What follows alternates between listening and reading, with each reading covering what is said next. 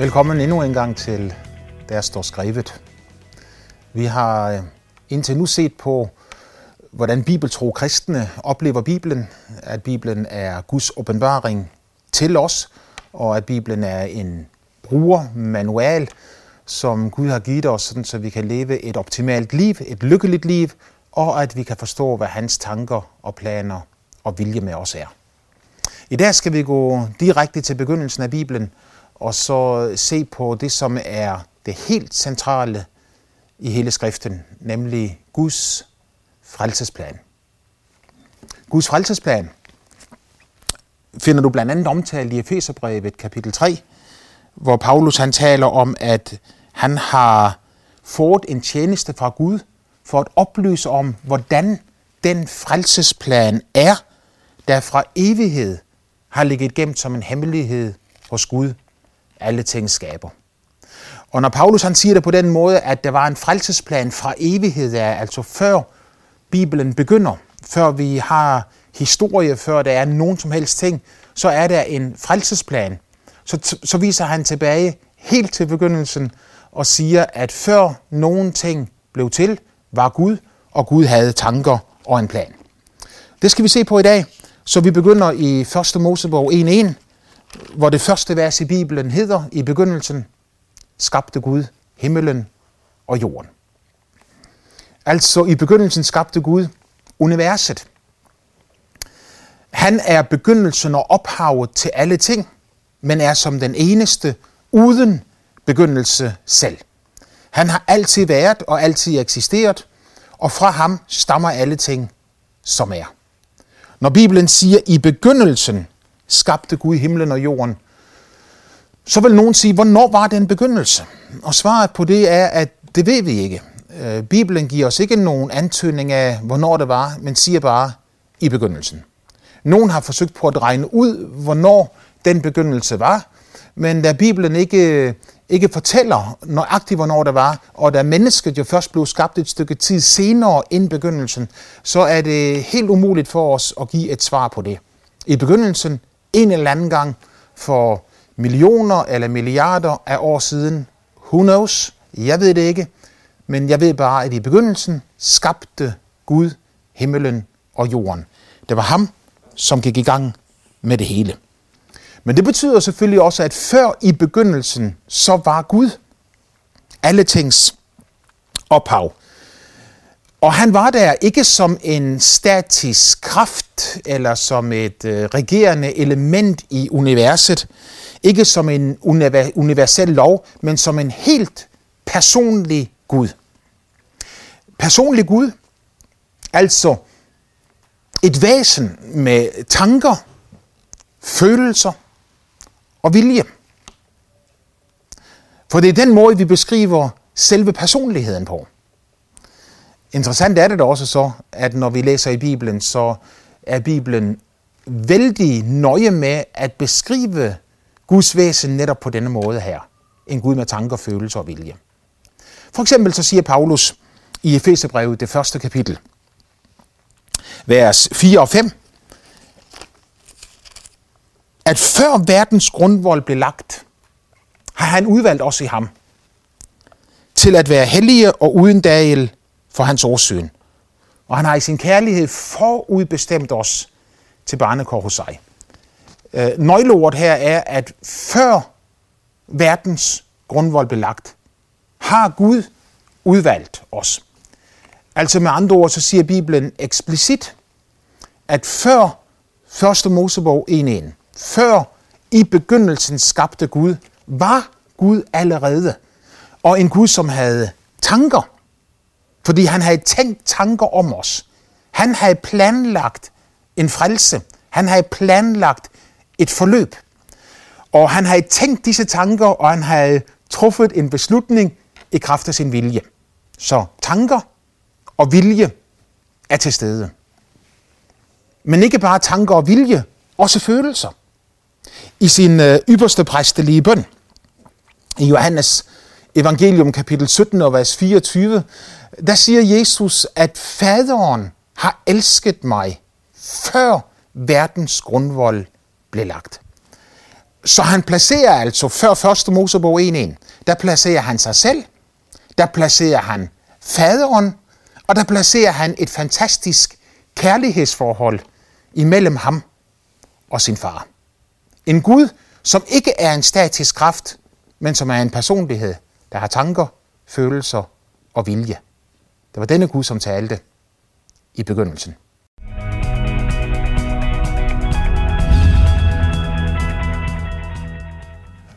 Og denne personlige Gud skabte altså i begyndelsen hele universet. Både materien, men også alle levende væsener, øh, som eksisterer i hele universet, blev skabt af en personlig Gud.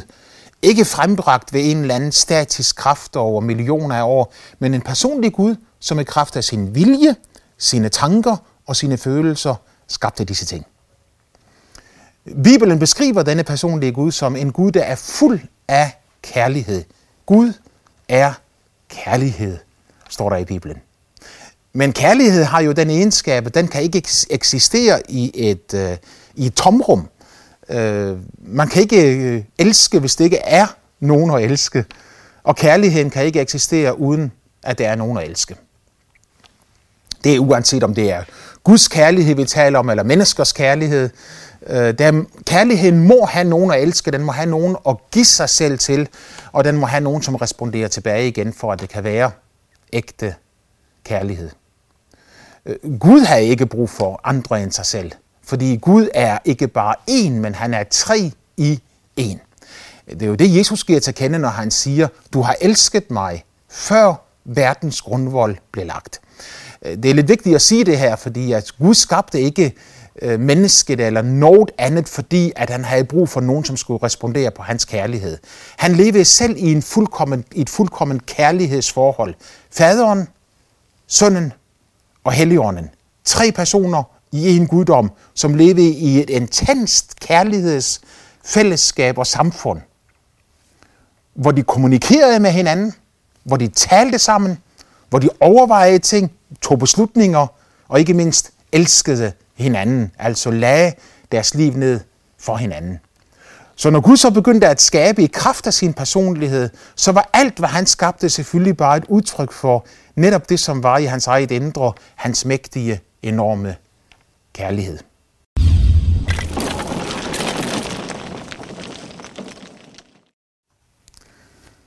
Så Bibelen beskriver altså ikke Gud som en statisk, stillestående kraft eller en energi, der gennemsyrer universet. Men Bibelen beskriver Gud som en personlig Gud med tanker, følelser og vilje. Denne personlige Gud var det, som i begyndelsen skabte himlen og jorden. Fordi han skabte himlen og jorden, så er himlen og jorden eller universet jo et udtryk for et, et afbillede af, hvem han selv er. Fuldkommen i skønhed, fuldkommen i pragt, uden fejl og mangler af nogen art. Derfor er det også næsten et chok, når vi kommer til det andet vers i Bibelen, og der står, at jorden var øde og tom. Udtrykket øh, øh var øde og tom kan lige så godt oversættes med blev øde og tom. Der er et eksempel lidt senere i 1. Mosebog, hvor Lots hustru så sig tilbage mod Sodom og Gomorra og blev til en saltstøtte. Hun var et menneske af kød og blod, men da hun drejede hovedet og så imod Sodom og Gomorra, skete der en fysisk forandring i hende, så hun blev til en saltstøtte. Og tager du dette ord, som er nøjagtigt det samme ord, der bliver brugt her i 1. Mosebog 1-2, og overfører dertil og skriver, at jorden blev øde og tom, så har du en forståelse eller en forklaring på det kaos, som kom ind i universet. I begyndelsen var alt perfekt, så blev der kaos. Kaoset øh, kommer, er ikke skabt af Gud, men kaoset kommer, fordi Gud havde skabt nogle væsener i begyndelsen. Engle, som er moralske skabninger, som vi ikke kan se, som lever i den usynlige verden, øh, som er skabt af Gud enkeltvis, men alle sammen moralske til at kunne vælge det gode og vrage det onde. Og en af disse øh, engle kalder profeten Esajas for Lucifer.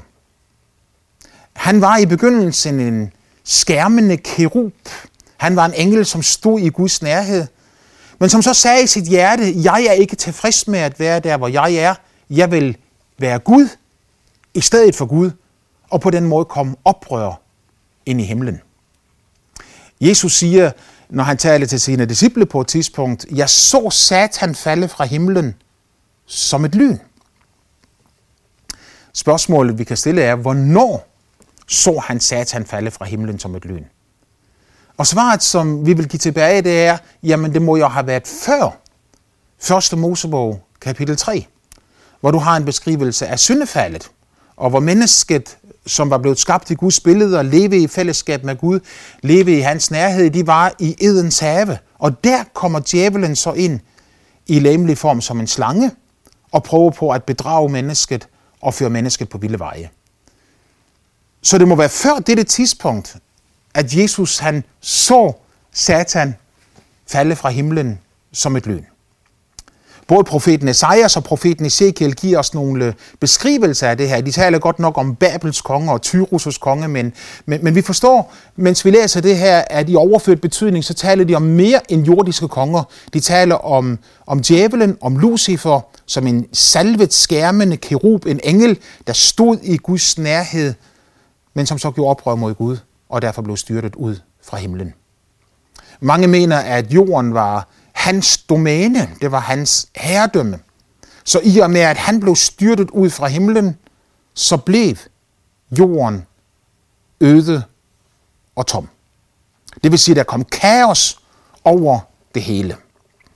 Det stemmer fuldstændig overens med det, som profeten Esajas siger, når han i kapitel 45, vers 18 siger, at Gud skabte ikke jorden øde, men han dannede den til at bebos. Når du så betragter første Mosebog, skabelsesberetningen på denne måde, så har du altså det, at Gud i begyndelsen, en eller anden gang, for hvem ved hvor mange år siden, skabte hele universet. Og at der kom uorden ind i universet, da djævelen gjorde oprør mod Gud og blev styrtet ud fra himlen. Resten af første Mosebog, fra kapitel 1, vers 3, og resten af, af kapitlet, handler så om, hvordan Gud gendanner den jord, han oprindeligt havde skabt. Og jorden var øde og tom, og Guds ånd svævede over vandene. Og så begynder Gud en gendannende handling, hvor han former, øh, øh, skaber, former og danner øh, dyrene, plantelivet osv. Og som kronen på værket, så skaber han mennesket i sit eget billede.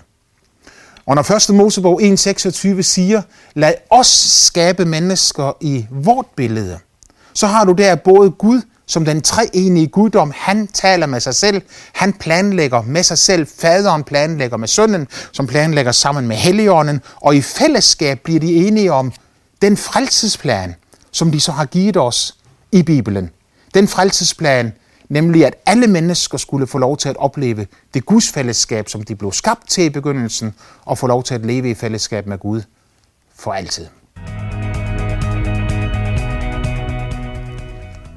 Her har du så også svaret på et af de øh, mest almindelige og mest komplicerede spørgsmål, som nogensinde er stillet. Nemlig, hvor kommer det onde fra? Hvis Gud er en god Gud, hvis han er almægtig, hvorfor har han så skabt noget ondt? Og hvis han ikke har skabt det onde, hvor kommer det så fra? Svaret er jo vældig enkelt. Og dybt kompliceret samtidig. Det enkle ligger her, at Gud har ikke skabt det onde, han har skabt det gode. Men han har skabt nogle væsener, øh, faktisk to af slagsen, to typer af væsener, som er moralske skabninger, og fordi de er moralske skabninger, så har Gud måttet lægge det ud på den måde, at mennesket selv måtte vælge, at leve et liv i fællesskab med ham og elske ham, eller det kunne vælge at lade være. Den ene gruppe af moralske skabninger kalder vi engle. Det er den usynlige verden. Nogle af dem er faldet. Øh, vi kalder også dem for faldende engle. Dæmoner, spøgelser og en hel masse andre ting kan folk kalde det. Øh, for min skyld må de kalde det, hvad de vil. Bibelen siger bare, at der findes usynlige væsener, som er moralske væsener, som oprindeligt blev skabt til at være perfekte og fuldkommende, men som så valgte at gøre det forkerte. Den anden type af mennesker, som har valgt, øh, er væsener, som har valgt at gøre det forkerte, er, er mennesker, menneskeheden. Mennesket, som blev skabt i Guds billede, skabt til renhed, til kærlighed, til glæde, til fred, men som så valgte at gå sin egen vej. Du kan selvfølgelig sige, at hvorfor skulle mennesket dog have lov til at få det valg? Men svaret det er, det er jo det, der gør os til mennesker. En løve har ikke et valg. En løve kan kun være en løve. En hund har ikke et valg. En hund kan kun være en hund. Et menneske kan være stort set lige nøjagtigt, hvad det vil. Mennesket har evnen til at resonere. Mennesket, skabt i Guds billede, er i stand til selv at vælge, og det må også være det. Alle og enhver ved jo, at man kan ikke tvinge kærlighed ned over nogen. Øh, øh tvunget kærlighed er ikke kærlighed. Det er vold. Det er misbrug. Man kan være forelsket i en kvinde, men hvis ikke hun elsker dig tilbage igen, så bad luck. Øh, så kærlighed kan ikke påtvinges andre mennesker, men kærlighed kan kun gives og modtages. Det kræver en fri vilje. Så Gud skabte mennesket som en moralsk skabning, og han skabte engle som moralske væsener. Og derfra kommer det onde. Jeg har fundet et lille afsnit i Bibelen, nemlig i øh, Jakobs brev, i det første kapitel, hvor Jakob han udtrykker det på denne måde her, i det han taler om, hvem Gud er. Og faktisk er meget omhyggelig her med at sige, at, at, at vi skal ikke tage fejl af, hvem Gud er. Far ikke vil, mine elskede brødre, siger han. Fordi Gud er en Gud, fra hvem der kun kommer gode og fuldkommende gaver ned. Han er himmellysenes fader, hos hvem der ikke er forandring eller skygge, der kommer og går. Med andre ord, så siger Jakob, Gud er god hele vejen igennem og fuldkommen i sin godhed. Det onde derimod beskriver han på den måde her og siger, ingen må sige, når han fristes. Jeg fristes af Gud. For Gud frister ingen, og selv kan han ikke fristes af noget ondt.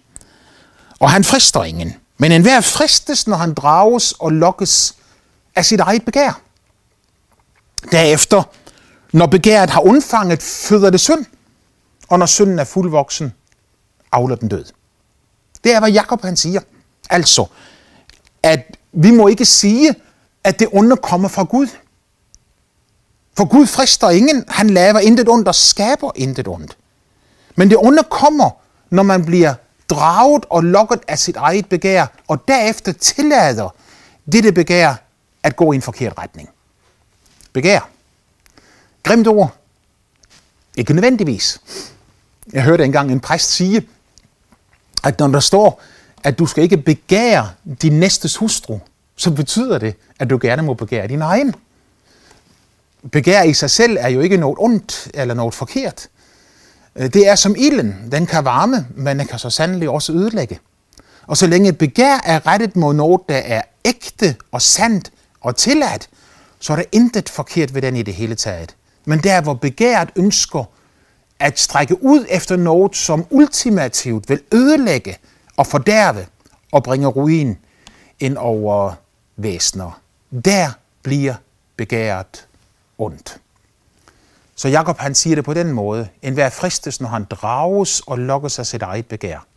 Derefter, når begæret har undfanget, føder det synd.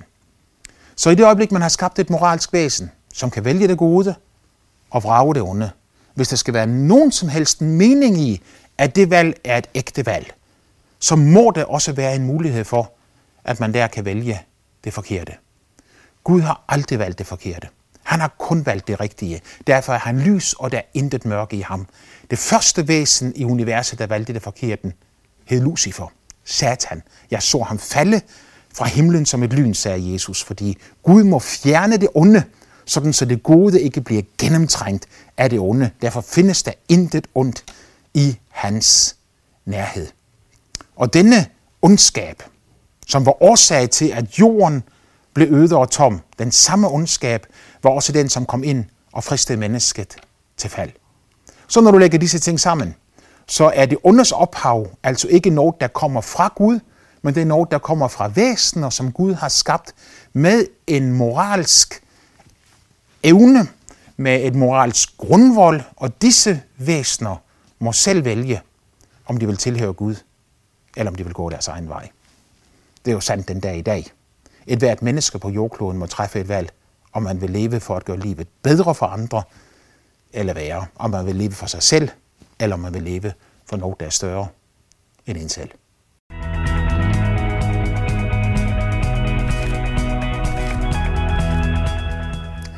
Man kan jo dreje det rundt på den måde og så sige, at hvis man nu vidste, at alt ville blive ødelagt, hvorfor så i det hele taget begynde at skabe? Øhm, det minder mig om en mand, som jeg hørte for nylig, øh, der stod og holdt et foredrag. Han var nummer 10 ud af 13 børn. Og han sagde til sin mor en dag, øh, mor, hvorfor har du fået så mange børn? Hvortil hun svarede, øh, hvornår synes du, jeg skulle have stanset? Jeg tror, han var lykkelig over, at han, hun ikke stansede ved nummer 6, 7, 8 eller 9. Øh, fordi ellers havde han jo slet ikke været der. Det samme er jo netop tilfældet med Gud også. Øh, Selvom Gud vidste, at ondt ville komme ind i verden. Selvom Gud vidste, at øh, engle og mennesker ville vælge ikke at have noget med ham at gøre. Så valgte han alligevel, på trods af disse ting, at skabe os i sit billede, til at kunne leve i fællesskab med ham. Og så gjorde han det så fantastisk, at han sagde, at hvis det nu mislykkes for jer, hvis I på en eller anden måde kommer på gale veje, og tingene ikke lykkes, så laver jeg en bro, jeg bygger en bro, jeg baner en vej, sådan så I kan komme tilbage til mig igen, og det, der var mislykket, ikke længere behøver at være mislykket. Jeg glemmer aldrig den mand, som jeg stod og talte med på gaden engang, som sagde til mig, når Gud nu er så fuld af godhed, som du siger, Bruno, øh, kan du så ikke, kunne han så ikke fjerne alt ondt fra jorden i et nu, i et øjeblik? Og jeg har egentlig ikke overvejet det før, men i det øjeblik, han stillede det spørgsmål til mig, så ramte en tanke mig som lyn fra en klar himmel. Jeg så på ham, jeg så ham ind i øjnene, og så siger jeg til ham den tanke, der kom til mig. Hvis Gud skulle fjerne alt ondt fra jorden nu, hvor vil du så være henne? Jeg kunne næsten se, at han blev bleg. Jeg kunne se på hans øjne, at han fangede det i samme sekund. Jeg sagde det ikke som en fordømmelse, og jeg sagde det bestemt ikke som om, jeg er bedre end dig. Men bare som et enkelt udtryk for, at det onde, der er på jorden, jo netop stammer fra onde væseners handlinger. Og det kan være mennesker, det kan også være faldende engle. Men hvis Gud skulle fjerne alt ondt fra jorden, så måtte han jo fjerne alle, som var en del af den ondskab. Og så er spørgsmålet, hvor vil jeg så være henne? Han har valgt en langt bedre vej. Han har sendt sin egen søn, Jesus Kristus, som en soning for al verdens synd, og bygget en bro og banet den vej, så vi kunne komme tilbage til ham igen, og få genoprettet et liv i fællesskab, i kærlighed med ham. Det skal vi se videre på i næste program.